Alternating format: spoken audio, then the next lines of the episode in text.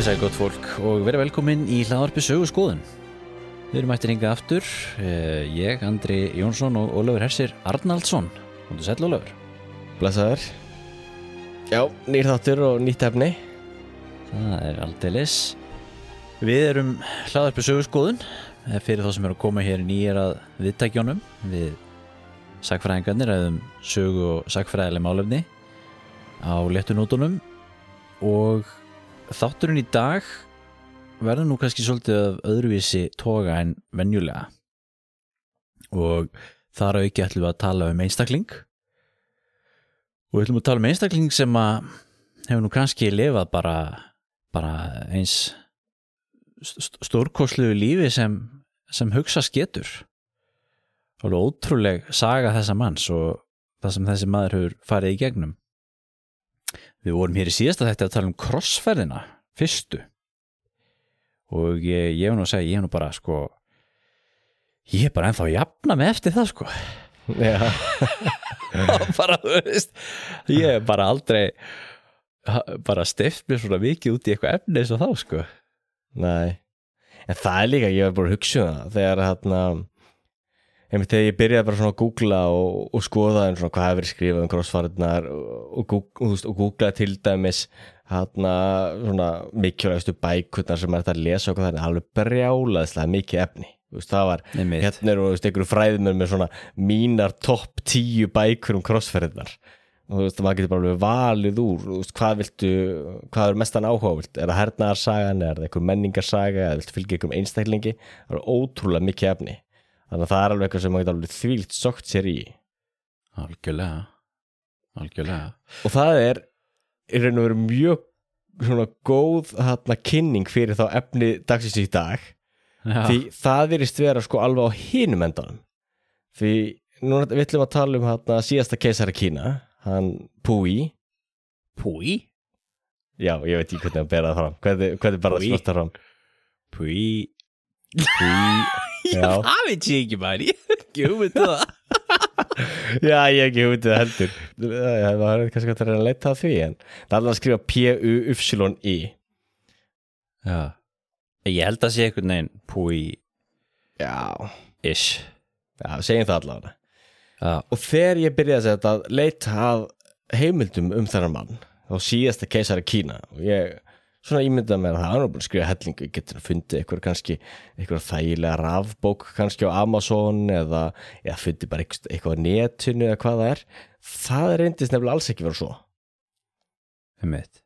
og það kom mér alveg óvart hvað það var erfitt að nálgast að nálgast eitthvað um hann. Því, jú, það er alveg að segja maður getur svo byrjað á Wikipedia það er löng Wikipedia greinum hann Já, og ég byrju oft á Wikipedia og skrolla þá neðst á Wikipedia og, og skoða þar hérna, heimildskrona mm. og það allir með sér sko segi það að það er alltaf eiginlega að vísa í sko sömu bókin og það er eftir hérna já það er eiginlega bara ein bók það sem endarist vera að, að vísa í. Og svo ætla líka vera að vísa daldi reyndar í sko sjálfsæfsögu hans púís já um mitt, sem hétt aftur já í hvað maður að segja ennskri þýngu þetta The Last Manchu Nei, hétt hún ekki eitthvað From Emperor to Citizen eða eitthvað svo leiðis jú það getur verið Það er ég að ruggla, það er kannski eitthvað önnu bók. Jú, hún heiti það From Emperor to Citizen. Já, en hann svo bók er vist þúsund blaðsjör og stút full af endurtekningum og einhverjum mjög svo mm, framandi hvað var að segja, upp, hugsunum og uppsetningu og eitthvað þannig. Já Eh, sem þann- hann er að hugsa sjálfur þá. Já, og hún er vist líka sko það, það framand að hún er ill skiljanleg fyrir uh, vestræna lesendur. Er hann þá ekki bara ítla þýtt? Það getur verið, en uh, ég las þess að þá hann svona abridged útgáfu þar sem að þýðandi og rítstjóri þeirrar bókar heldur því fram að uh, þetta sé vandamálið. Og það er svo allt og mikið endteikningum og hún er skrifuð í allt, allt öðrum stíl, hún er skrifuð í sérst einhvern svona aust, austur asískum þá kínverskum stíl sem er þá uh, framandi og ílskiljanlegur fyrir vestræðan lesendur. Uh, og þess vegna þá er, var hún skorinn þá niður inn í bókisila það er ykkur 340 blasur Já, þú hefur sagt þetta áður að þú hefur lesið svona abridged útgáfa af bók. Já. Mennilega hefur mér alltaf fundist að vera svo, já, mér alltaf fundist að hálkir uppgjöf. Já. En, en ég held samt að þarna hafi það verið mjög, mjög góð ákvörðin Ég man þú sagðist að hafa lesið þarna The Medi þarna, Mediterranean eftir Já. hann þarna. Eftir hann Fernand Braudel. Já, já, já. Ég veit en að því síðan var málið sko, það er mikill þarna munur oft á rítstilu eftir hérna menningarsamfélögum. Uh, og það getur verið mjög framandi og getur verið sko oft já, er erfitt að lesa. Og eins og þarna sko hann, hann púi náttúrulega kemur úr sko allt öðru samfélagi heldur en við. Og, og maður sér, gerir sér ekki grein fyrir því hvað þetta er raun og veru framandi samfélag fyrir maður byrjar að lesa Jú, sjálfsæfisugan, svo lesa síðan bækur um þetta. En ég endaði ju á því að ég fann líka aðra bók þá, svo heitir The Puppet Emperor eftir Brian Power. Brian Power. Já, hann ólst upp í Kína og hans heimildir eru náttúrulega líka svona mikið að- vísa í og þetta sjálfsæfisugun en náttúrulega gallin sjálfsæfisugun er að hún er skrifuð ekkert bara af Púi sjálfum heldur af kínverska kommunistafloknum No, no, no. Þannig að þú getur rétt ímyndað hvert sko sagfræðilegt gildi þeirra bókar er. Já.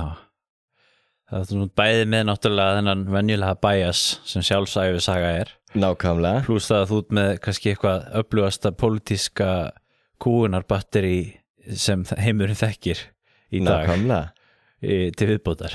Já, það er eitt skoða og ég var að lesa það sko, hann var með fullt á svona, svona ghostwriters eins og það kallaðast hann var með her manna á bakvísi sem skrifuðu bókina með honum. Uh, og hún var síðan gefin út í Kína uh, um ah, hvernig var hún gefin út? 1964 getur það verið, já, já, og þá auðvitað ekki gefin út nefn með leifi kínverska kommunistaflokksins þannig að það gefur náttúrulega auðvitað leið að, að, að, svo bók er náttúrulega mjög já svona erfið heimild að vinna með því það er auðvitað þú veist, stapp full af áróðri og uh, hvað hann ákveður að muna hvað hann man ekki þú veist, hvað er skrifað og hvað ekki skrifað hvernig personum er, er líst ekki líst en samt hann er já, mjög persónulegur og viðkennir mjög marga áhugaverða hluti í bókinni og, og kemur mjög illa út og ég viðkennum það eftir að ég hef lesið bókina hef ég alveg einstaklega uh, neikvæða sín á þennan mann. Já, mm, og ég nálgæðast hann náttúrulega með frekar svona opnum huga, ég vissi svo sem ekki dumman Nei. það er áhugavert en þetta með náttúrulega var mjög erfitt að, finna eitthvað. Því sko eins eh, þessi aðal bókin sem er vísað til á Wikipedia, hún er skrifað eftir sko bladamann, Edvard Behr og hann síðan hann hvort hann var ekki framleiðandi en allavega hann tók mikið þátt í sko í því að gera hann kvikmyndina The Last Emperor sem var Einmitt, gefin já. út 1987 og hún vann Óskarsverðun fyrir á þeim tíma held ég. Hefur þú séð þá mynd? Nei, ég hef nefnilega ekki séð þá mynd. Nei, ekki heldur Ég var nú svona með á listanum að reyna að sjá líka myndina það hefur verið svolítið gaman að lesa þessa bækur og síðan Hóra myndina, já. En þegar ég var að googla, ég fann ekki svona fljótt á litið sko einhverja svona góða, vel rannsaka, þú veist, vel unna fræði bók, eitthvað fræði nei, um þennan mann. Á ensku. Á ennsku og svo ég gef mér náttúrulega bara strax að það finnst ekkert á kínversku því kínversku kommunistaflokkur náttúrulega stýrir ennþá öllu í Kína og Jújú, kannski að ykkur hefur verið frá Tævan eða Hong Kong en ég veit ekki hvað það heimildi þeir hefði getað komist í, þú veist, hvað af skjálusöfnum og slíku, það er alltaf ennþá í höndum já, uh, já. kínverska komastaflokksins en það er auðvitað það er létt að segja að svona einræðisríki eða svona allræðisríki eða hvað maður kalla þetta eins og Kína og Sovjetríkin og svona þú veist að það sé algjörlega ekkert akademisk frelsirskilur og það sé bara propaganda en maður má samt ekki gleyma því sko að oft snýst þetta um að einhvern veginn að vinna sig framhjá hindrunum og þú veist og sum svæði eru bönnuð og svo framveginn skilur ég held að sé allavega nú þekki ég svo íllaðan í Kína en þú veist með svona sem að maður hefur lesið um hvernig fræðastarfar í Sovjetríkjunum og svona skilur að vera við slumum þess að vera sagfræðingur í, miðalda sagfræðingur í Sovjetríkjunum og svona skilur þú, þú komst alveg upp með það skilur en, en þú veist og þú veist svona stýraði svolítið framhjá svona þi- hindrunum skilur Já, já, algjörlega en, en, en við vitum það allir með að þegar að þarna, netinu er stýrt eins og það er gert í Kína Já, að eh, Kína er náttúrulega bara með her manna í að rítskoða allt og það er rétt.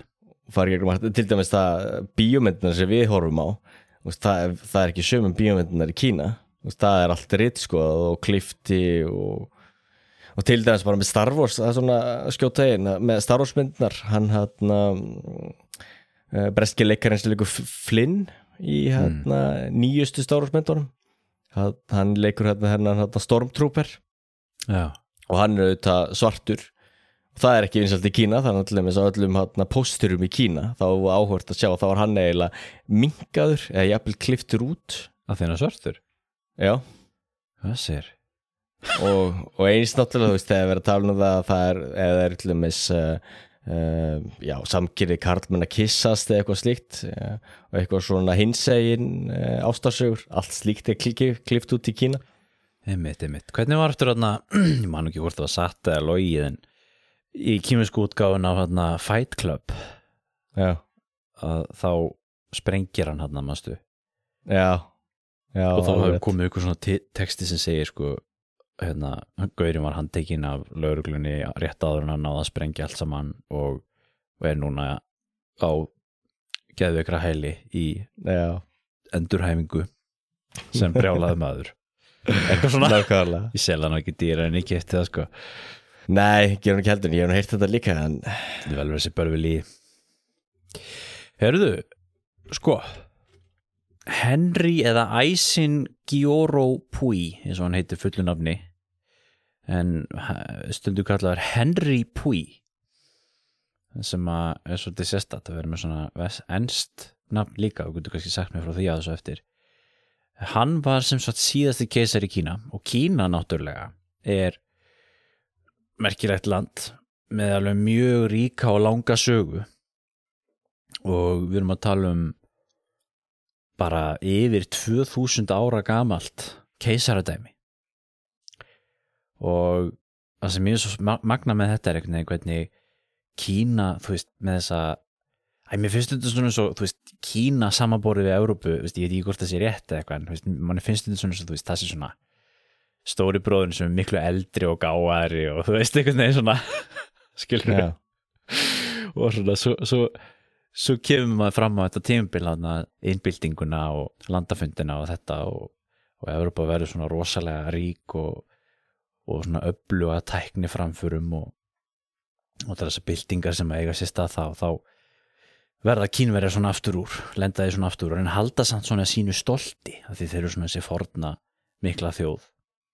Og alveg ótrúlega svona merkileg, merkileg saga hvernig Kína og svo náttúrulega eins og við töluðum um Japan hvernig súþjóð um, lendi í þessari nútímavæðingu sem að þetta fylg, fylgdi með öllum þessum teknibildingum sem að heimurinn gekk í gegnum á 19. öld og svona mismundi leiðir þessar að tvekja fornu uh, keisaradæma að bregðast við þessu og þessum ágangi vestrætna kaupmanna og, og sjóara sem voru að koma já, já, og uh, kannski, kannski að vissuleiti eins og þegar við töluðum um síðasta rúsa keisaran þá kannski lendir Kína í svona svipari stöðu að þú veist með þetta aldagamla kerfi sem að fittar ekki inn í nútíman og, og við sjáum það í upphafi 20. aldar alveg eins og með rúsnarskar keisaridæmi að þá endar þessi aldagamla stofnun sem að mér finnst nú alltaf pínu synd þó svo ég sé nú ekki, alls ekki hlindu svona stjórnafari eða, neitt svoleiðis en, en alltaf þeirra svona alltaf gamla stofnanir hætta það er alltaf Já. svona pínu synd sko eins og, eins og heila rómanski keisarinn eða Eitthvað svoleiðis. Já alltaf, og maður skilur, skilur það þetta ákveðin liti eins og þarna að uh, keisaradæmi í Kína mjög, var náttúrulega mjög fornt uh, æfagamalt samfélag og, og svona vöggur síðmenningarinnar er jú svona, já, Egyptaland Mesopotamían sem maður er vanur Indusdalur og síðan alltaf Kína þetta er svona upphafið þarna í kringum þessi svæði. Einmitt en um, svona sögusviði þegar hann, um það leiti sem hann Púi fættist var þá það að, að þetta kínverska ríki þá með þá Qing ættin uh, var það búið að stýra þarna tölvuna tíma síðan þeir feldu þá Ming keisaradæmið, eða Ming fjölskylduna.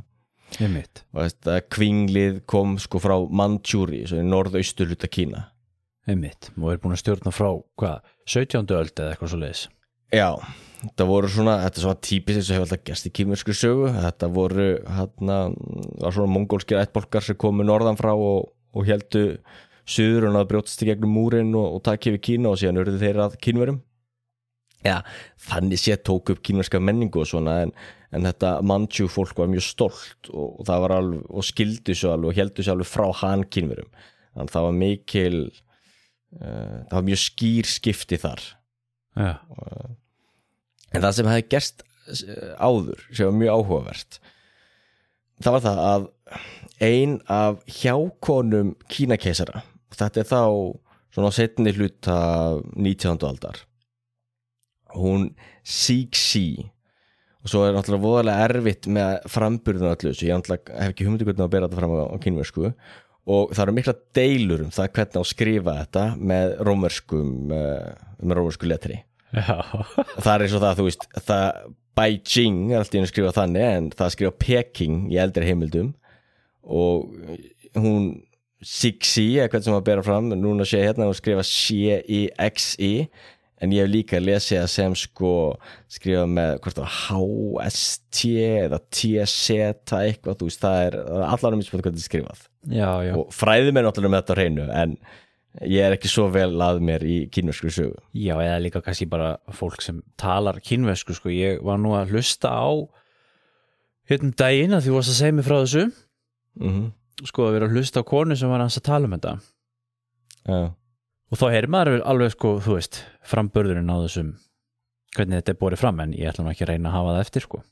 Nei, maður. Hvort að þetta, hvort að Queen sé sko ching, ching eða eitthvað neginn svo lesi maður ekki, en það skiptir ekkit öllu máli ég menna við tölum ekki kýmvesku, þá er það bara þannig. Við tölum heldur ekki frönsku.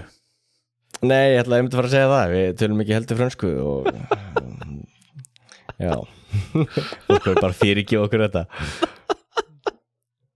En allavega því sko ástæðan fyrir okkur í nefni hana núna áður fyrir að tala um Púi er það að henni tókst uh, á lótur og undraverðanhátt að vinna sig upp. Og því hún byrjaði bara sem uh, heldur ómerkileg hjákona og, og það var mikilvæg hluti að kínverska kerfinu að keisaritin sem áttu sína keisara innju og síðan áttu hann fullt fullt af hjákonum. Og það getur verið mismöndi hvernig það voru og, og svo eftir því hvernig það stóðu sig eða voru hvort hún líka við þar eða ekki þá gáttu þeir lækka í tign eða hækka í tign og, og allan og svona. Og henni tókst sem sagt að hækka sig í tign því hún stóð sér mjög vel í hjákonu hlutverkinu. Og, og enn fremur þegar hún gatt hann síðan són þá var hún hækkuð ennþá meiri tign. Og henni tókst hægt og rólega að ná uh, eiginlega öllu völdum þarna í forbóðinu borginni sem er þessi hérna, afgýrta borg innan Peking uh, þar sem keisarinn bjó. Mm. Og það var þá umgýrt borg og var alveg sko heimur út af fyrir sig sem venjuleg kynverjar vissi ekkert hvað það myndi gerast þar inni. Og henni tókst uh, hægt og rólega þá að, að ná völdunum og hún stýrði í raun og veru Kína í marga áratví já, í gegnum þá svona, svona brúðu keisara ef maður notar þannig, svona puppet emperors. Þar sem hún tókaði í alla strengi. Brúðukissar er flott orð Já. Og Púi var bara hluti af því. Og hún gekk svo langt að hún hérna vilaði ekki fyrir sér að eitra fyrir andstæðingum hvort það var aðra hjákonur eða eða allir það með segja sonurinnar hún er einhverjur orður um þess efnis hún hafði myrt hann. Og mm, þannig að hún líka þá braut uh, venjuna af því að þegar sérst, keisa, svo keisar undan púi þegar hann lést þá átti í raun og veru sko elsti mm, elsti þálefandi karlmaður í fjölskyldunum þá að erfa krúnuna einhvern veginn þannig. En hún fór fram hjá því og valdi Púi. Já, og það er náttúrulega bara vegna þess að það var nú að velja sér þetta ungar strák uh, sem var létt að stýra en það var hann bara rúmlega tveggja ára gammal einmitt. Þegar hann varð keisari. 1900 og hvaða ár var það? 6, 1906, já. Já, þá var hann keisari. Einmitt. þannig að hún var búin að stýra í raun og veru Kína alveg síðan hvað var maður að segja, síðan 1800 og hún, hún var fætt sko 1800 1835 1835, já þannig að hún var einhvern veginn búin að stýra Kína að megnunni til held ég alveg síðan sko 1860 eitthvað. Einmitt. Og raun og veru, þú maður er svo getur gert heilan þátt náttúrulega um hana, það var stórmerkjald líf. En hún stýrði líka þá Kína í gegnum sko mikið af þessum óförum og þessu niðurlengar tímabili og hennar valdatíð náttúrulega var Kína að leysast upp. Þú úr með opiumstríðið, eða veist, með setna hérna, kínversk, neða fyrsta kínversk japanska stríðið 1895 þar sem kínverðilega mistu formósu sem var mjög niðurlegandi fyrir það því Kína það alltaf litið niður á Japan sem svona einhverja villimanna eigu Já, Tævan já, það sem er Tævan í dag hétt formósu á þeim tíma. Einmitt. Og, og enn fremur voru náttúrulega þessi hérna, vestrænu ríki alltaf búin að taka meir og meira af Kína Já, það er svolítið eins og ég var að koma að hérna áðan einhvern veginn, þetta er þessi, þessi öldur niðurlegingar eins og hún er stundum kölluð í, í þessari kínvesku sagfræði að þú veist, þetta er mitt hvernig vesturveldin er alltaf sækja á Kína sko með sko þeirra rétt á að fá að versla við þá sko. Já, og svo ef þið vil ekki versla þá er gripið í hart sko. Já. Að því að flettast líka inn í þetta að vesturveldin vildu alveg halda henni við völd vegna þess að það það sem vesturveldin svona í fljótlega sagt vesturveldin vildu veikt Kína sem var hægt að versla við en ekki stjórnleysi. Þannig að það hentaði þeim vel að hún væri við stjórnatöfumana að því hún var gjörsanlega á móti öllum nýjungum og, og einhverjum breytingum. Þannig að hún barðist hatramlega gegn öllu slíku. Já, Þannig að hún- náttúrulega þannig að hún var algjör. En þetta var náttúrulega alveg mjög róstur sami tímar eins og þú nefnir með allar þessar uppreisnir þessi stríð og svo ertu með boxara uppreisnina líka. og vestuveldin alltaf að skipta sér að og svo ertu náttúrulega með ótrúið fyrirbrið sem er þessi typing uppreisn 1800, já, hvað var það, 1850 eða stóði í nokkur ár sko. Það sem að, það sem að var hann maður sem að leiti það sem að var var hann ekki kristinn? Jú jú, hann trúði að hann væri Jésu komin aftur. Sónu Guðs og hann að já, og, og pældi bara þar sko eh, dóu sko 20-30 miljónir skilur mm, þú veist það er, það er eins og við tölum um sko mannfall sovjetmanna í setni heimstyrjöldinni sko. Já, já.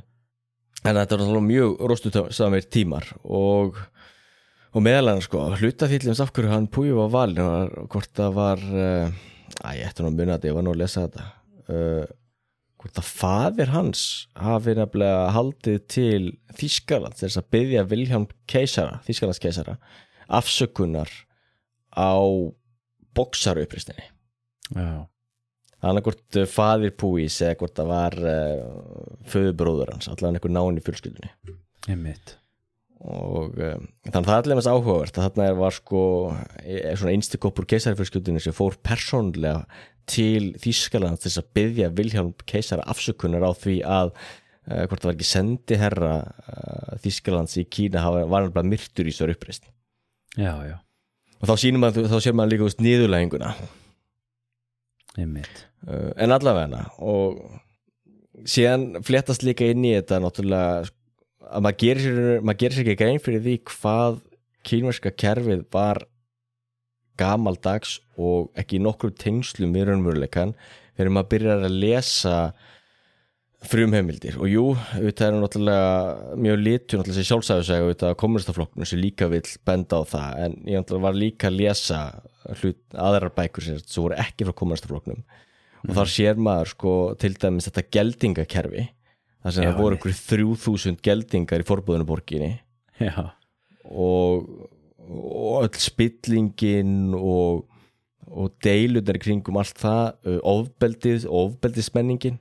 Hún til að Sixi létt sko lú berja alla í kringum sig fyrir sko minnstu yfirsýn já, og það var mikið gífurlegur svona hræðslumenningarna já, já. Og að- að mjög eitrað umhverfi allt saman og síðan fléttst inn í þetta allan svona trúar ofsta ekki líka. Og hún var mikill búttisti og hún held í fram að hún væri sem sagt uh, bodhisattva bodhisattva minnum að sér kalla það er svona ákveðin tegund af uh, búta, svona minni tegund af búta Ok, uh, en gallin var að hún held í fram að að hún væri sem sagt ákveðin gyðja endurfætt sem að ég ætla ekki nú sem reyna að bera þetta fram þannig að láta það bara liggja. En gallin við það var að Dalai Lama held í fram líka að hann væri þessi gyðja endurfætt og það til dæmis var svolítið vandræðilegt fyrir hérna fyrir uh, keisarfjölskylduna en það var langt til Dalai Lama. En það sem gerðist síðan var að þarna brettar sendu herlegengur inn í Tíbet og tóku jú Lhasa, ef mann rétt. Og þá flúði Dalai Lama frá borginni sinni langt, langt uh, vestur í Tíbet til Peking. Já, og þá allt í henni hittust þau og sangvant þetta búddismanum eða það eru tveir einstaklingar sem haldaði fram að þessu endurfættur einstaklingur þá verður annar að hverfa yfir í annan heim. Og það gerðist síðan þá nokkrum dögum setna að keisarinn ég lést svo fær hver og einn að tólka það eins og hann eða hún vill ég tólkaði nú þannig að Dalai Lama hafi haft rétt fyrir sér hann nákvæmlega. Já, og það þýðir þá að þegar hún lést uh, var það ekki 1908 já, þá allt í hennu var Púi keisari. Uh, þá er hann hvað? En- mjög lítill. Já, fjögur ára gamall. átt ára, já, fjör ára. Og það sem er svo áhugavert er að maður hugsa rátt með sko völdir svo flóki fyrirbrið og, og til dæmis þarna, þú veist, jú, keisari Kína það hlýtur að vera sko sá, svona eitthvað sko guðurlegur keisari, eitthvað sko góð á meðal manna, það hlýtur að vera mikil völd í því. En hann náttúrulega var svo ungur þannig að auðvitað náttúrulega fyrstu árin það var náttúrulega aðri sem stýrðu. Og meðal annars þetta geldingakerfi sem stýrði honum alveg. Og það var allir með svo þannig að hann klætti sér til þess ekki. Hann, greitt ekki hárið á sér hann þóði sér ekki veist, hann gerði ekkert svona. Hann, hann, baði ekki um mat vegna þess að hann þurfti þess ekki. Maturinn var alltaf bara lagður fyrir framann það var bara settu matur fyrir framann hann. Sko ég heyrði ekkert tímann að kannski ég er það einmitt úr þessari sjálfsæðu svo líka eitthvað að, að þetta hafi verið þannig að það hefur alltaf þurft að vera hlaðborðað mat fyrir keisaran á hverjum degi fyrir hann að velja úr. Já, og síðan ef hann, hann borðaði ekki að þá var því bara hent en náttúrulega áttu bara allir þjónarnir og, og, og geldingarnir það. Já, hann heldur einmitt fram að þessu hafi öllu verið hent en ég trúi því ekki. Ég held að það sé áróður því það er í öllu svona þetta er líka í, í hérna musterum og, og hér og þar um heiminn og í hérna allan svona fórnarmenningum og slíku Já, að þá er það alltaf þannig að það er alltaf einhver sem borðar þetta og það er oft prestandi sem borða þetta eða það er þjónarnir eða eitthvað já, slíkt. já, en þetta er líka bara svona ennþann dag í dag sko. Ég meina já, too good to go. En Já. þarna var ekki líka það sko að hann þurfti alltaf að vera í nýjum fötum um hverjum degi.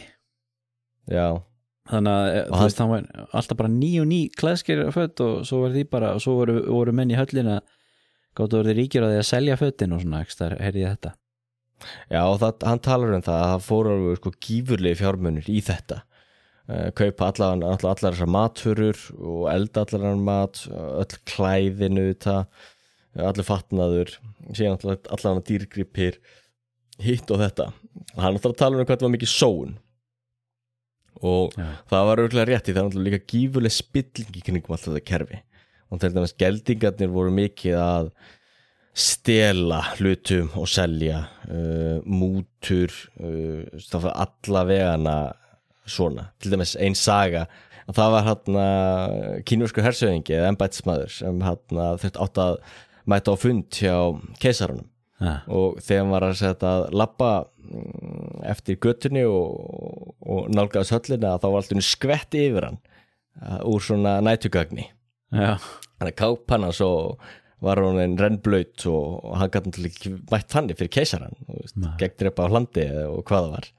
Þannig að þá var eitt geldingurinn sem hoppaði til og, og, og bauðst til þess að lána honum eh, gl- glæsilega kápu. Já, og, og þá var náttúrulega þurfti hann auðvitað að greiða fyrir það og, leia kápuna og borgaði fyrir það sko eitthvað stjartfræðilega upphæð. Já, já. og það er svona dæmi um spillinguna. Af því þá hafði hann skvætt yfir hann. Já Einmitt. og það var líka, og það er áhvert til þess að Púi talar mikið um það í æfisögu sinni, hann var mikið, hann mikið kvart undan því að geldingandi voru að stela mikið úr höllinni. Já, það var verið að stela já, bæði náttúrulega bara gulli og eðarsteinum og, og bókum og handritum og hinn og þessu. Og það var svo gífurlegu auður í forbóðinu höllinni að að enginn hafi yfir sín yfir hvað var þarna og hallinnast það var alveg vita að ákveðni geldingar eða fjölskyldur þeirra áttu kannski eitthvað fornminja verslanir En þegar, þú- segir geldingur og geldingakerfi fyrir ekki hva, hvað áttu við með því? Ertu að tala um að það sé það bara allt starfsfólki í höllin að, að þá voru sérst geldir karlmenn þá eða? Já, 3000 Uh, það var til þess að verja kvennabúrið, það var, var hlutaði en það var líka þannig að þeir geti ekki átt fjölskyldu Einmitt, einmitt, þetta voru svona að þetta, Dedicated menn. þetta er hlutaði sko, það sem maður já, maður notar þetta orðið þetta lénskerfi mm, uh, og náttúrulega fyrir mann sem búið er að vana hann getur náttúrulega ekki eignast börn þannig að hann ásér enga fjölskyldu þannig að hann hefur ekki sömu uh, mm. hagsmuna að gæta og þá Já, er þá meiri líkur á hann sem mögulega hliðhóllu keisar Jú, svipað og maður þekkir auðvitað úr vestrænum kerfum líka hjá Rómverjum og hjá og hjá Örbum og, og annars staðar Já, aðalega svo úr austrinu því Rómurunum fannst allt svona að vera viðbjöður og þetta var eitthvað sem kom austanað frá Mm. þá þeir voru í Egiptalandi og Írak og þar mm. Í vestrændi menningu hefur alltaf verið litið sérstaklega niður á, á þetta og er mikið bar, barist gegn því að vera með geldinga undantekningin reyndar í tónlistinni þar fekk þetta að þetta fyrirbyrði að, að lifa Mm. framan af, ég man ekki hvernig síðast síðustu geldingarnir voru að degi út sko, settur út á 18, á 19. aldar í tónlist en sko í stjórnkerfi og þannig vestræn hefur þetta ekki, hefur, þetta ekki týðkast nema Nei. jú, hjá þetta Bísans keisarunum, en þeir náttúrulega voru svo litaðar af þessu austræna mm en uh, þetta geldingakerfi í Kína var sko það ég held að það er rættur svona að rekja til sko hvort það var 200 fyrir Krist. Þannig að það var eitthvað sem menn voru búin stunda mjög lengi. Og það var líka notað sem sko þá svona til þess að vega upp á móti öðrum hagsmunum í samfélaginu. Þannig að þú bjóst til sérstakt uh, stjórnsýslukerfi sem var aðalega stýrt af þá geldingum og, og þannig átti það að vega upp á móti sko öðrum valdhagsmunum því Kína er alltaf svo stort og mikið af já, mismunandi hagsmunum og alltaf mikið hætt að ríkir leysist upp. Og þannig að þetta er svona hluti líka stjórnsýslu sögu Kína. En allavega, þessir menn gerðu allt frá því að þó gólf og búa til mat og upp í það að sko stýra sjáum dæmis fyrir keisarum og það fylgdi þessu brjálaslega mikið völd þannig að það var mikil spilling í kringum allt kerfið og erfitt að reyna að vinda eitthvað ofar af þessu. Já, og svo fléttist náttúrulega inn í þetta sko æfa fornar hefðir og venjur. Og til dæmis sem svo að það mátti ekki hver sem er til dæmis uh, ríð og hesti til dæmis inn í forbóðinu borgina, það var ákveðin forréttindi. Mm. uh, það var ákveðin til dæmis gulur litur sem bara keisari máttu nota, það mátti ekki annar nota annar lit Mm. og allavegna, allavegna svona sérstakir hlutir. Og, og Púi náttúrulega talar um að þetta hérna hafi verið mjög þrúandi og ég get alveg trúið því að það hafi verið rétt hjá honum að, að fyrir þetta unga mann að alast upp í sko þessu svona lokuðu kerfi. Og þetta er svo framandi. Þetta er bara allt annað allt annar hugmyndaheimur, allt annað samfélag. Einmitt og sérstaklega bara for, forbúðanaborgin er náttúrulega sko meira sér fyrir bara vennilegan kynverja, þá var, var forbúðanaborgin sko allt annað, það var bara svo, ég veit ekki búið tunglinu eða En byrju, hvernig er, hvernig er það? Veist, það er kallað borg en hva, hvað er þetta nákvæmlega? Já, þetta er afgirt borg innan Peking borgar Er svona svo Vatikanið þá eða? Já, þú getur borðið þess að líkti við það Þetta byrjaði sem í raun og veru uh, svall bæli kúpla í kans Ég get sagt það orðað þannig. Og svo fléttast líki inn í þetta keisari sem skýtar um að vera drefnir og þá er mitt að loka sig þarna inni með borga, með háa borgamúra og halda sig frá fólkinu og, og þetta keisarilega og guðilega og þetta hérna mandate of heaven og allt það. Þú fáir þetta guðlega valdað ofan sem já, gerir kleift að stýra Kína og þá Einmitt. mitt svona lokaði frá almóanum og allt þetta. Já, en þannig að þetta er alveg sko, það er forbúðanaborgin alveg bara heimur út af fyrir Nei. síðan er sko búið að rífa múrin þannig að það eina sem stendur eftir held ég er bara er aðal hliðið já. inn í forbúðanaborgina En er þetta þessi staður sem þú sér þessi frægi staður með, með torkið og myndina má er það þarna við ég held það, Já, já ég held það sé nefnilega þe- þessu sveði, eða við eða hvort sé hluti að gömlu já. og forbúðanaborgi var sko full þá einmitt af allan höllum. Þannig að þú varst dæmis með eina höll þar sem að hann stundaði hugleysli og aðra höll fyrir eitthvað aðra hluti og, og alveg stút fullt af gulli og gersemum. Og handrit og skjöl og bækur og bara nefndu og hvað var ekki til þetta hann var svo vell augur og ríkur að hann hafði ekki hugmyndum hvað hann, uh, hvað hann átti mikið Allir með sér áhugaður hluta sögunar bara hugsa sér að vera svo ríkur. Þú bara hefur enga hugmyndum hvað mikið af gulliðarninni eða margir gimsteinar þannig að það er líka sérstækt þetta, enda þegar gætt farin að stýra þessi einn fjármunum að þá eittan peningin svo já, eins og ég veit ekki hvað, var að kaupa allavega svona vestræna hluti þá, kaupa úr og klukkur og, og föt og hvað það var, kastaði bara peningum fram og tilbaka. En það var að nægu að taka. Já, já en það sem svona gerist náttúrulega með tíu tíma er að jú, hann fyrst og finnst náttúrulega var þá að læra einhverja hvað var að segja, jú þess að svona kynverska hluti. En það sem er áhugavert er náttúrulega eins og er oft með svona prinsa og konunga að mentun þeirra er oft kannski voðalega svona ábútavant mm. það er voðalega svona tilvíðlega kent kannski hvað er að læra. Það var fengið þá endanum uh, skoti til þess að kenna honum Reginald Johnston. Og þaðan kemur til þess að þetta Henry nafn Já. vegna þess að Púi varð mjög heillar af enskri menningu. Og hann þá til dæmis tók upp þá þetta Henry nafn eða vildi að menn myndu kalla sig Henry. Og, og meðal hann svo tímabili og talaði meira segja Chinglish blöndu eða svona pidgin mál af ennsku og kínversku. Jaha.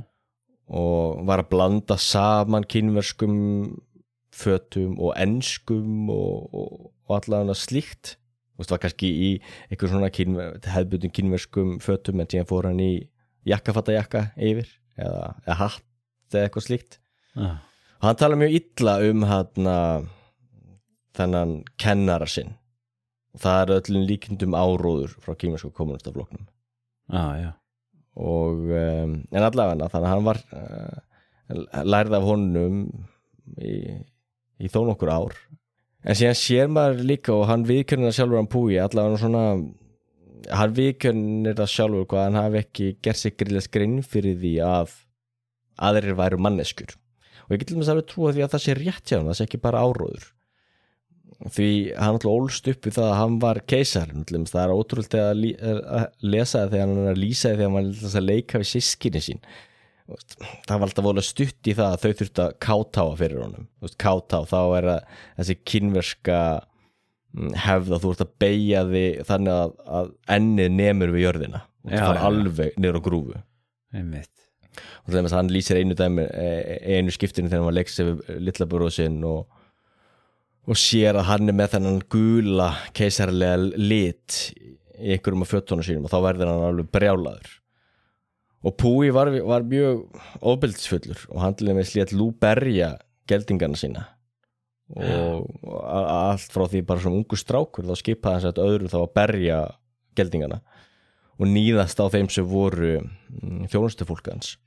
Já. og heimildir lýsa því að hann hafi já, notið þess að uh, valda öðrum þjáningum. Og hann viðkennir sjálfur að hann hafi ekki já, bæða hann hafi notið þess en líka hann hafi ekki sérstaklega svo ungur að hann hafi ekki gert sér grein fyrir því að þetta væri manneskjut Já, ég ætla einmitt að fara að segja það, ég meina, þú veist, hvaða vitsmunni hefur barn til að einhvern veginn, einhvern veginn ve- meta, þú veist, eitthvað svona. Þú er náttúrulega ennþá svo ómótuð, sko. Já, ná, algjörlega hann ætlaði nefnilega eitt dæmi þegar hann tók sko köku og ætlaði að setja litla nagla í kökuna og gefa einum af þjórunum sínum Já. og sem betur verið var þá hvað kallar maður það? Vettners er það ekki það brjóstmóðir er það Aldrei hérta.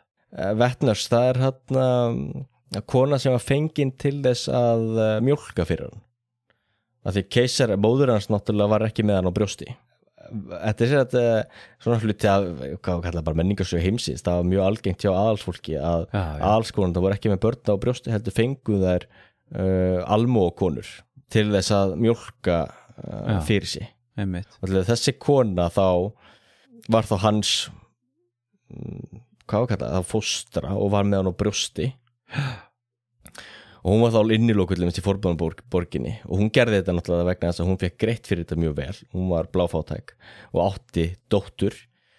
Uh, en uh, síðan allir þegar og til þess að sína þú veist kannski svona grimdin í þessu að þegar allir með dóttir þessara konu lést þá var því haldið leindu fyrir henni í mörg mörg ár. Já, já. og svo allt í henni þegar þessi kona þá lendi upp á kant við eitthvað þetta keisarfjölskyldin og þá var hún rakkin á dyr og bara kastað út úr forbúðinu höllinni og þá loksist komst hún að því að dóttarinn að vera látin Já. og þetta er þá svo, svo kona sem er kannski sá, svo manneskja sem stóð púi örglega næst þetta var mjög miðusýnd þegar hún var rakkin á brott Já, já. þannig að það- þetta sýn líka svona hvað uppbeldið hans var Einmitt. En, en náttúrulega, þú veist, ef við reynum að hlaupa hans yfir sögu að, jú, það er náttúrulega hellingur sem maður geti talað um náttúrulega þarna en, en það sem gerist náttúrulega séð var að Kína hægt og rólega var að leysast upp og, og svo náttúrulega áttu sér stað að þessi bylting þessum keisardæminu var síðan stift Já, það er náttúrulega ótrúlega sögulegur atbyrður í sögu Kína 1911. Já, og sem líðveldinu var komið á. Það ertu náttúrulega búin að vera alveg með þarna marga áratugi af bröldi þar sem að þessi kínverska, eða það sem þessi keisarlega stjórn er búin að vera í einhvern veginn hanga á bláþræði gagvart alls konar faksjónum sem að er að reyna að ná öldunum og svo náttúrulega bætist við þessi vestrænu öfl já, og svo eru náttúrulega þetta dæmi um það að keisarstjórnin hafi verið að reyna að reyna sig með endurbætur út í lók 19. aldar og, og svo framvegs og svona en það er einhvern veginn tekst aldrei almennilega og svo verður þessi at, atbyrður hann 1911 í þessari þarna Singhai uppreist já. En það sem var líka sérstætt við það er að þrátt fyrir það að hann- þurfti að segja af sér að þá held hann áfram að lifa í forbúðunborgi og held bara áfram sem keisari. Já, hann fekk svona var ekki með gerður ykkur svona hálfgerður svona starfsloka samningu við hann það sem að hann fekk mjög voldugan, voldug eftirlaun.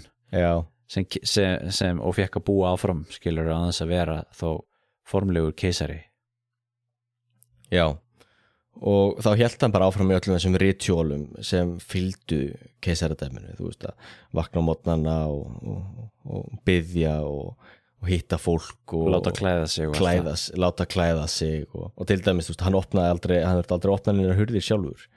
Nei. það var alltaf opnað fyrir hann og, og lokað, þú veist, hann hugsaði ekki um neitt svona. Hann þurfti ekki svona lappa, hann var borin um allt. Til dæmis hann hafði mikið á maurum í, í hérna barnaskunni og, og þannig að hann var borin það út þannig að hann geti sett sér við mauraþúðnur og fylgst með maurunum. Þetta er náttúrulega ótrúlega æði sko.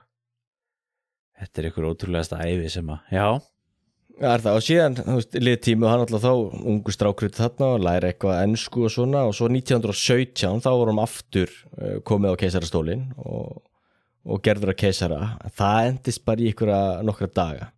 Já, og þá vorum við steift aftur og a- allt á þessum tíma alltaf var ákveð bara tjaldamakku auðvitað líka, þú veist, það voru öflun náttúrulega innan keisarfjölskyldunar sem voru að reyna að koma um aftur í stólinn. Uh, hann náttúrulega var bara ungu strákur þannig að hann svo sem gæti náttúrulega ekki gert neitt og hann, þetta sér maður strax hvernig hann var reyna bara fættur til þess að vera svona brúða annara mm. og það er alltaf einhver aðrir að tói spottana og en síðan jú, líður tíminn og 1922 þá var skemmt giftast og þá sér maður líka þetta sérstakka kínverska ke- kerfi að hann giftist þú uh, jú og, og eignast á þetta keisarenju en giftist á sama tíma líka sko fyrstu hjákonni já, þannig það er svona, það er koma tvær saman í pakka. Það er þetta kínverska kerfi. Það er ekki nóg að vera með eina konu þú ert að vera með allan hjákrónur og síðan það er líka mjög áhugavert í sjálfsæfisögunni að hann talar aldrei um þessar eiginkonu sínar. Ég held að í, hann nefnið þær sko fjórun sinnum með eitthvað. Að hann sýnir þeim engan áhuga. Ég get talað um aðeins meira setna en, en það er allir eitt bara áhugavert. Þegar hann aftur var keisar þetta 1917 já, þá allt í henni var sko hann alveg góðsens tíð hjá verslunumönnum að selja hann fléttur, gerfufléttur já, vegna þess að mannsjú fólki var sko með langa svona glæsilega fléttur alltaf og menn voru búin að klippa þetta eftir að hann var steift 1911 ah, ok og allt í var þetta komið aftur í tísku. Og þá var, eða hann að kaupa sko gömul föt, svona keisaraföt allavega þannig, þú veist, þetta er voða áhugart líka bara svona hvernig þetta áhrif bara á klæðabur fólks. Einmitt, Það er alveg endarstökkun svona Já. dæmi sem þetta skjóti inn. dæmis hitti Charlie Chaplin og var alveg uppnumin á því og uh, en síðan var svona líka þú veist hluti af svona sem kínverska svona sem keisarlega hróka hann neita að hitta uh, sænskan prins vegna þess að hann sá að þessi sænski prins hafi látið taka mynda sér með þekktir leikonu. já, Það var fyrir neðan virðingu hans að gera slíkt. Það var svona mjög áhugavert.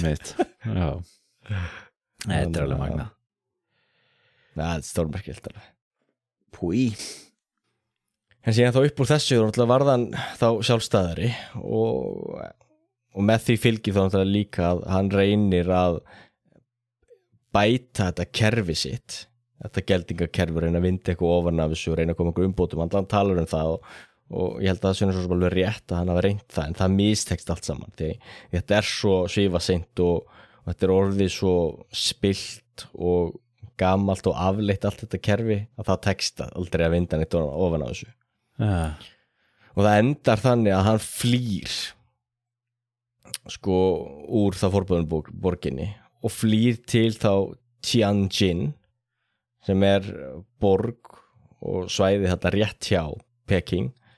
Og þar bjóðan frá 1925 til 1931 og þetta svæði var sem sagt eh, ekki almennilega undir stjórn Kína heldur voru vesturveldin og Japan búin að ná þessu undir sig og áttu sína svona borgar hluta já, og þar til dæmis um, já það verður þetta smánablettu líka hjá kynverjum að þarna var sko keisarinn þeirra komin, hjó- komin já búin að flýja til útlendingana og bjóð þar. En valdi hann sjálfur að, að búa þannig já hann segir það að hann, já hann valdi að sjálfur að flýja þangað. Já, já. Og þetta er á svo- valdasvæði eh, Japans. Já en líka sko Bretlands og Ítalíu og allt þetta því þeir áttu sín ítök í borginni. Hmm, en fyrst og fremst Japan sem áttu að bera ábyrð á aðal öryggi einmitt. svæðisins. Já, og, það, og þá, þá hefst nýtt tímabil þar sem að hann var svolítið svona að reyna að vinna krúnuna aftur og já, var að skrifast á við hinn á þessa kínversku hersöðingja sem voru að brjótast til valda og, og mynda sínar eigin valdasvæði og síðan voru eitthvað sem hersöðingjum að missa völd sín þegar þeir töpuðu skyndilega einhverju orustunni eða eitthvað gerðist eða einhver dó. Og, og Kína náttúrulega algjöru upplaust og, og þetta er svolítið svona millibils ástand þar sem hann einhvern veginn er að reyna að finna sig og, og það er alveg áhugavert að hérna, bókin sem ég las sem eftir þennan hérna, Power. Power, já, þess mann eftir því, hann ólst í Tianjin. Hann mann eftir því að hafa séðið mitt púi Já, um, byrju, já Svolítið gammal þá. Já, hann uh, Power lést þetta í 90 eitthvað. Já, En síðan þá þetta uh, Tianjin tímabil endar eiginlega þannig að Púi verður fyrir vonbrið með alla þessa um, hersöðingja sem hann er að að vinna með það gengur ekki neitt þannig að hann byrjar að halla sig meira og meira upp að Japunum einmitt og Japanir, Japanir byrja sko að berja víurnar og svona já, laðan að sér Já, við komum náttúrulega svolítið að þessu hérna þegar við rættum sögu Japans á 19. öld og 20. uh, og aðdraðandunum að setja heimstyrildinni og, og hvernig Japanir eru að færa sig upp á skaftið í Austur-Asju og kostnað kynverja meðal annars. Já, og, þarna náttúrulega eru Japanir fyrir að koma að þeim tíma þegar Japanir stopna uh, leppiríki sitt í Manchúríu Manchukuo já og það gerði það 1931 1931 og þá á nú okkar maður eftir að koma svolítið við sögu þar. Já, því honum var þá síðan bóðið hvað á að kalla það hann var náttúrulega ekki bóðið að vera, að vera keisari í keisari þar heldur okkur að sjá sko ennsku þá segja Chief Executive of Manchukuo. Já, allavega til að byrja með Já. Og, og hann þáði það. Og, og, það, og þess vegna held hann þá til Manchúri sem var og hans já, gamla ættjörði maður myndi nota eitthvað slíkt alltaf hans forfeyðu komu þaðan. Já, einmitt. Og hann tilherði þetta þessu Manchu fólki sem bjóð þar. Og, og þetta Manchu Kuo eða hvernig sem að berða fram það þýðir ju einmitt held ég land Manchu fólksins eitthvað slíkt. Já, já En þetta hefur auðvitað verið svolítið, já, svolítið flott spil fyrir Japanina að hafa hann þarna, þessa fígúru í já, frontinum til þess að svona löggilda þessa stjórn sína þarna. Já, að því þetta ríkið þetta var mjög umdeilt í alþjóðasamfélaginu þess að við rættum mm, og náttúrulega var bara hluti af aðdraðanda setni heimstyreldarannar í, í, í Asju jú og og það hlutaði okkur að hafa valin náttúrulega var til þess að reyna að ná hans í jú, mögulega stuðning kannski frá mannsjú fólkinu og hann náttúrulega hafi st- stýrt líka hann kynverjum í Kína og eins og nefnir þetta með löggildingu og og Japanið tala voðalega fallega um að þetta land átt að verða svona fjölmenningar paradís á jörðu.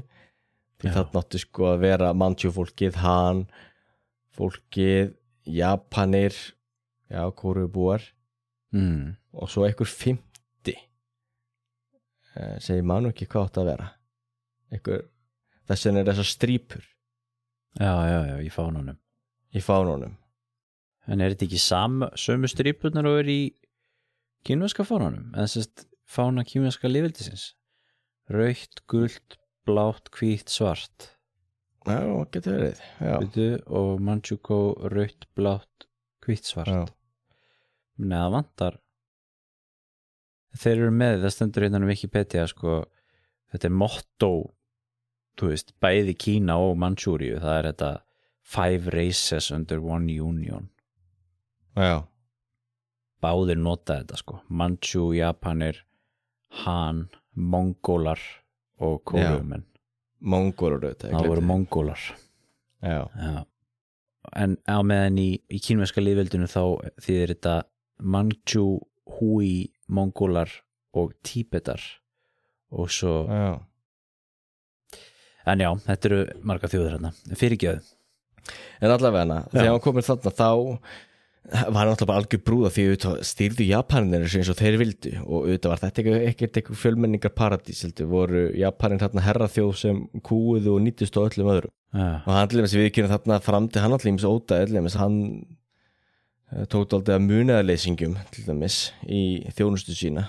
Og þessi munaðarleysingar voru lúbarðir og sveltir og, og lokaðir inni. Og hann allir með sem við kynum það sjálfur að þegar strákarnir voru orðnir hva, um 18 ára gamlir og litur út eins og 10 ára gamur börn það að fara svo illa með þá mm. og einna allir með stó á þessum tímanbili En nú, en nú ertu náttúrulega að tala um eftir að hann er orðin leiðtögi eða svona leppstjóri yfir yfirmannsjúriu og þá þarf maður auðvitað náttúrulega að hafa það í huga að eins og þú segir þetta með þegar hann er að, að, að, að kommunistaflokkunum vakir yfir þessari bók og allt þetta að hann náttúrulega Mm. fór í eins og við munum koma að hér og eftir auðvitað í gegnum endurhæfingabúðir þar sem að náttúrulega allt sem hefur með Japani og að gera hefur vantarlega verið tekið til gaggrín, gaggríninnar endurskoðunar svo að vægt sér til orða tekið algjörlega.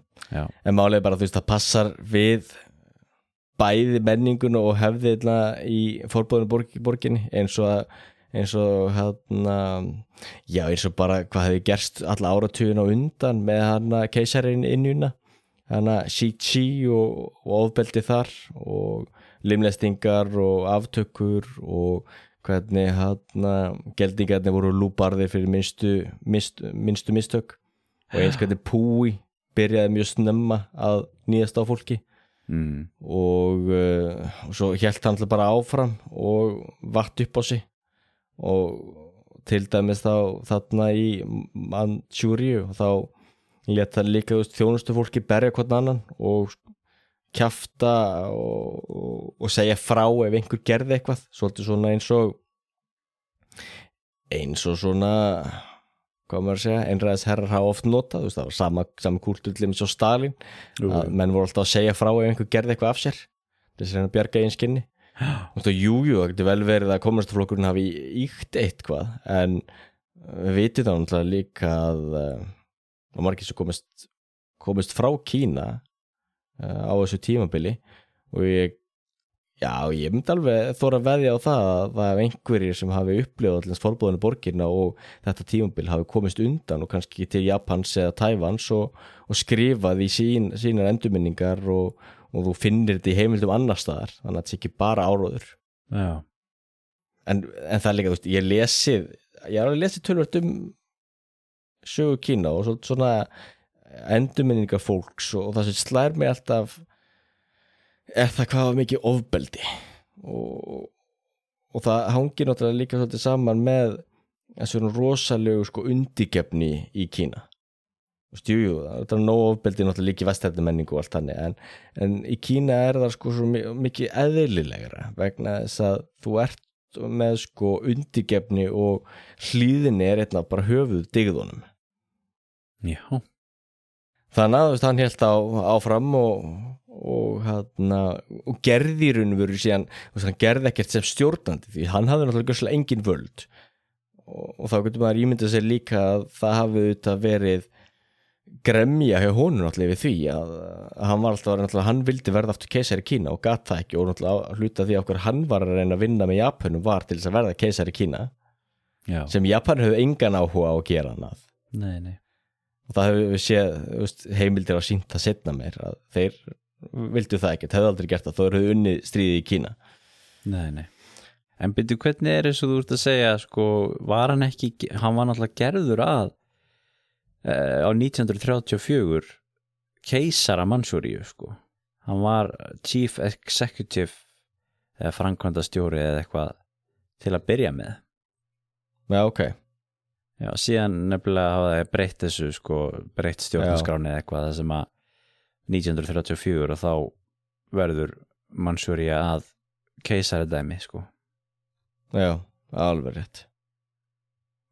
Að þá fekk hann aftur að verða keisari Þannig að það sem að gerist auðvitað þegar að þarna Japan tapar sér til heimstöldina Sovjetiríkinu þetta ráðst þarna inn og, og, og taka hann til fanga þegar hann var að reyna að flýja til Japans og það var allir áhugavert að þegar hann getur valið nokkra fjölskyldumenn til að taka með sér til Japan þá tekur hann ekki eiginkonu sínar með sér.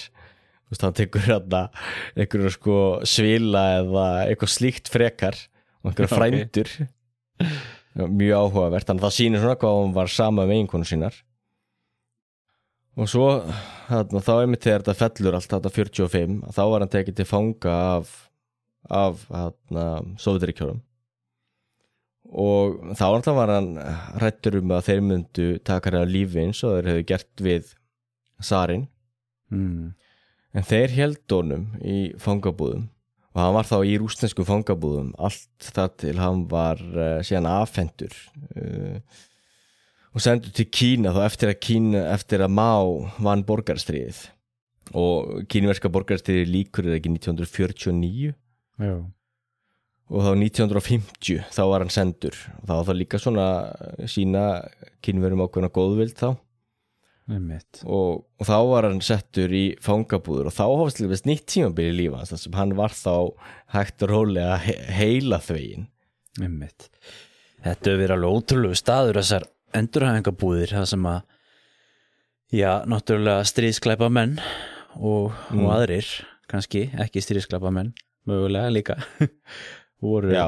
bæði Japanir og, og kínverjar frá Mansjúri hafa verið eittu árum saman hann í, í þessu sko, ég man að koma þess að þessu, við vorum að tala um Japan og hvernig þeir eru gert upp stríðið og svona að þú veist mikið af þessum af þessum japansku hersuðingum sem að voru mikið af svona fólki í Japan sem var að, að tala um eh, að Japan er eftir að skamma sín fyrir stríðið og svo framvegis að það hefði verið að, að, að ákveðnum hluta uh, hermenn sem höfðu þurft að dvelja í þessum endurhæfingabúðum kínverja já, og mér finnst það nú svona þetta pínu svona ekko að þessu svolítið þegar að við vitum til þess að kínverjar eru náttúrulega með einhvers konar endurhæfingabúðir í dag í, já, já, já. Í hérna Xinjiang eða hvað heitir Úkjuristan eða hvað heitir nú. Já, já. og það er mjög áhvert að lesa allir það er lýsingar og þú veist, jú, jú, þetta þegar, ég var að lesa sjálfsæðisögans þá er ég alltaf með það uh, með mér að auðvitað er þetta rítskoða að kýmurska komunistafloknum en, en, einhver síður er samt, samt mjög áhugavert að lesa það því mm, því þetta alltaf er þú veist, mikið þessi svona endurskoðun þú veist, að vera, þú ert að kafa inn á við þú ert að, að rifja upp hvað þú ert búin að gera þú ert að viðurkenna glæpiðina og, og þegar þú ert búin að viðurkenna glæpina þá getur unni með þá og átt að, þú veist, að verða að góðum, að góðum einstaklingi hægt og rólega að góðum þá mm, kommunista og til dæmis hluti af því er sko líka mikið af að því að lesa þá til dæmis lesa um lénskerfið og lénskipulæðið og lesa sagfræði og eitthvað slíkt til þess að reyna sko betur gera svo grein fyrir því hver var þín rulla í þessu kerfi já, já, og, og þarna sé maður hægt og rólega hvernig hann segja þá mótast þarna og, og hann var þá í þessu fangabúðum í ykkur hátti tíu ár og, og er þá síðan sleft út sem þá endurhefðum borgara hvenar er það? Hvað, hvað er, hversu langt eru við þá komnir? Já, 59, 1959 Jesus. Þá var hann sleft út á svona pröfu og fór síðan að vinna í garasagarðinum í Peking.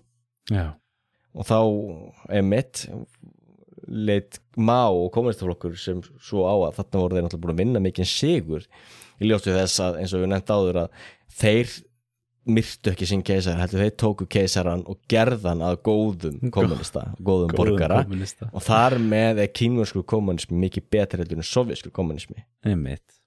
En, en sér getur maður spurt sig sko, og ég get alveg trúa því að þeir hafi sko endurmentað púi því það sem ég er búin eftir ég er búin að lesa já, því meira sem ég les um hann því betur kemur ljós hvað að hann hlýtur að hafa verið einstaklega veikgeðja einstaklingur sem fylgdi bara strömmnum og hver og einn gætt notaði eins og hann vildi. Og þá byrjaði það al- náttúrulega það, að getur bara spurt sig þú veist, hvað er hvað, þú veist, kannski voru örlugan svo að hann gæti ekki, ekki neitt annað því hann byrjaði náttúrulega sem barbar. Eða var hann brúða auðvitað strengja brúða þeirra sem hérna, stýrði í forböðunuhöllinni. Og svo þegar það var búið þá var bara næsta líðveldi vildi gera þetta með hann. Jú, þá semt hann því hluturkinu Já, svo já. þegar, þegar þeir höfðu ekki lengur á því þá hann, komst hann til USA útlendingan og þar spilaði hann ákveðna rullu fyrir Japani. Svo held hann áfram inn í það og þá í Man Manchukuo þar var hann þessi, jú, keisari síðan. Mm. og uh, handlifast talar ekkert um það í sjálfsæfisöðun sinni en í bókinni sem ég lasum að þar er vísa í sett aðra einstakling sem tala um það að þar var mikill um að herm eftir Hitler, klæðast eins og Hitler uh, heilsa eins og Hitler var mjög hrifin af Hitler og Þískalandi já, já. Svo veit maður ekki, það getur vel verið eitthvað sér enn íkja eða hvað það er. En það er náttúrulega En- þetta meika kannski sens með það að hann er náttúrulega þú veist, ég menn að þú setur inn í bara aðstæður þessar eru bara 1941, 2, 3 skiluru, þú Já, veist já. þeir eru náttúrulega bara öxulveldin standa á þeim stað sem að þau eru á já, já, og inn í, inn í einhvern veginn þeirri ringiðu og Mm. svo er þá búi, eins og þú segir sko, búin að vera menta sig og, og búin að vera í samskiptu við vestræna menn og, og veist og, og, og, og þekkir vel til svona þessa evrópska lífstíls líka mm. þannig að það kannski kemur ekkert óvart ef að það hefur verið þannig. Nei og ég trúi því alveg. Að það hafi svo verið rétt að hafi verið hallur út í slíkt. Við hann alltaf fréttast líka inn í það að hann alltaf vildi verða keisari og, leitt út fyrir það að þarna kannski var eitthvað Þýskaland sem hætti var að apa eftir og mögulega hægt að nota. En, en síðan sér maður samt að Púi hafði samt aldrei í raun og veru sjálfur einhvern negin sko uh, útgeislun eða hæfileika eða neitt slíkt til þess að vinna menn á sitt band. Já, það var alltaf einhverju aðrir á tói spottana. Hann í raun og verið Nei, aldrei tói einn eina spotta. Nei, nei, þú ert náttúrulega að tala um já, þetta gamla forna kerfi, lífveldið Japanir og síðan kommunistanir já, og það eina sem hann Púi í raun og verið gatt gert var að hann gatt jú nýðst á þeim sem voru hluti af hans fjölskyldu og Já, uh, já, það verður og einu sem hann gatt gert eitthvað við og einmitt, enda nýtti hann sér það og já, nýttist á því fólki einmitt En þetta er líka áhvert að lesa um sko fóngavistin að fjölskylda hans var mikið snýst náttúrulega gegn honum þar. Þar þarf hann til dæmis að læra þá að þó fötin sín og þarf að læra að klæða sig og þarf að læra að, já, líka við að borða, þú veist, þannig þarf hann að læra allt. einmitt, Og verkvitið er náttúrulega ekki neitt þegar hann þurft til dæmis að fara að vinna. Nei, nei Það er mjög áhvert að lesa það. En síðan getur maður, ég, ég er mikið búin að hugsa, um, þú veist, hvað er persónuleikin og hvað er einhver bara mótað. Því sko, mitt, ég lít svolítið, það er eins og hann sé bara svona deigklumpur Já, og svo getur einhver bara hver og einn bara tekið hann og bara móta það sem hann vill. Já, ok, nú er þetta keisari. Ok, nú ætlum við að gera það af, af protofasista eða fasista. Nei, Já, nú já. er þetta orðin kommunisti. já, nú ertu veist, já, ef Kálska kirkjan hefði náðið hann, þá hafði hann getað gert hann að flottu munki Einmitt, eða þú veist hvað það er. Það Einmitt. bara e, og, það bara sko hugmyndaflugi sem kannski takkborka hvað er ekkert að gera úr þessum manni. Já, því og hann vann síðan þar og enn fremur síðan þegar að með tíu og tíma þá náttúrulega varðan vann hann sem er upp og, og varð gerðist með þess að þingumadur já, á endanum. Og, og var þá að þarna hann var fulltrúi fyrir fulltrúi já. Já, var það orðin, fulltrúi alþýðinar í alþýði lífveldinu Kína? Já, Gjörin fulltrúi. Nákvæmlega, það er ótrúlegt. Já, þetta er alveg mögnuð, mögnuð æfi og síðan fléttast inn í þetta líka það er alveg ótrúlega að hann hafa lifað þetta alltaf því sko það hefur svo oft verið að taka hann af lífi af einhverjum, hvort það hefur verið sko sovjetmenn sem vildu losa sig við hann eða já, eða hvað það er. Já, að hann lifði meira að segja af menningabildinguna já, þegar að sko stúdentarnir ætluðu nefnilega að taka hann þá líka og, og taka hann af lífi. En þá líka tókst samt að einhvern veginn að halda já, vendan en gefur hún þannig að hann lifði það af meira að segja. Já hvað er hægt að segja um hans líf sem venjulegu borgari? Aðeins þú veist, hann lítur að hafa búið bara í ykkur blokk eða eitthvað í Peking og já, var hann þá með fjölskyldu og, og svona, eða hvernig var það? já því hann giftist aftur þegar hann, hann, var sleppt út eða sleppt úr fangelsi. Já, en hann regnast aldrei nýr börnin það er líka fréttast inn í þetta að hann margir teljar hafa verið hinsegin. Ok og, en það er áhugavert að í sjálfsæfisugunni talar hann ekkert um það.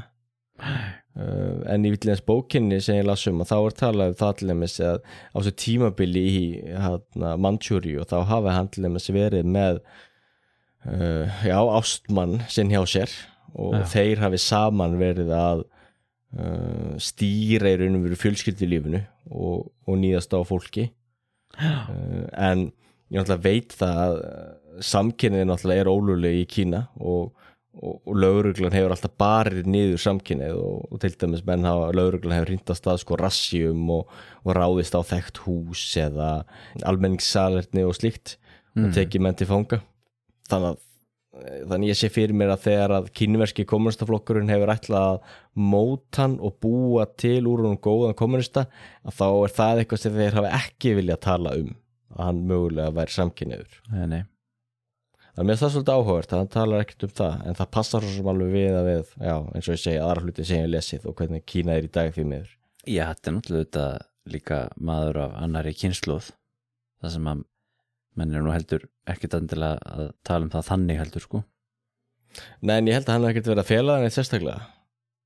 Nei, og svo er það spurning sko hvernig þetta keisarlega Kína ég held ekki eftir vissum að menn hafa endilega litið á það sem já, eitthvað sérstaklega neikvægt þá en það er nefnilega áhugavert í kommunismann þá hefa menn ekki verið hrifnir slíku, það passar ekki inn í Æ, hvað maður segja þetta, þessi, þessi form sem menn voru að reyna að uh, pressa alla inn í. Þannig að kínurski kommunistaflokkurinn á móti uh, móti að vera hins einn uh, að því síðan ég þekki samt ekki hvernig það er en, en, en það er nefnilega líka áhugert fyrirbriði í, í hinsegir sögu að meira segja í samfélögum það sem maður hefur svona þá ímyndað að, að allt sem er þá hinsegin að það hef ekki verið leifilegt að þá voru menn oft merkilega opnir með það, þú til þess finn, getur fundið tölvört að þessu í hérna hennum arabíska heimi.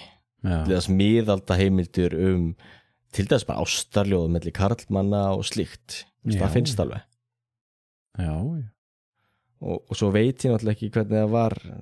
Til dæmis þannig forbúðinu höllinni hvort að það hafi eitthvað verið uh, sérstaklega litið niður á það. Uh, og náttúrulega veit það að voru vist mikið á orgjum í forbúðinu höllinni og, og ímislegt uh, sérstakt þar mm. líka hjá geldingunum. Líka á gildingunum já. Já, já, já.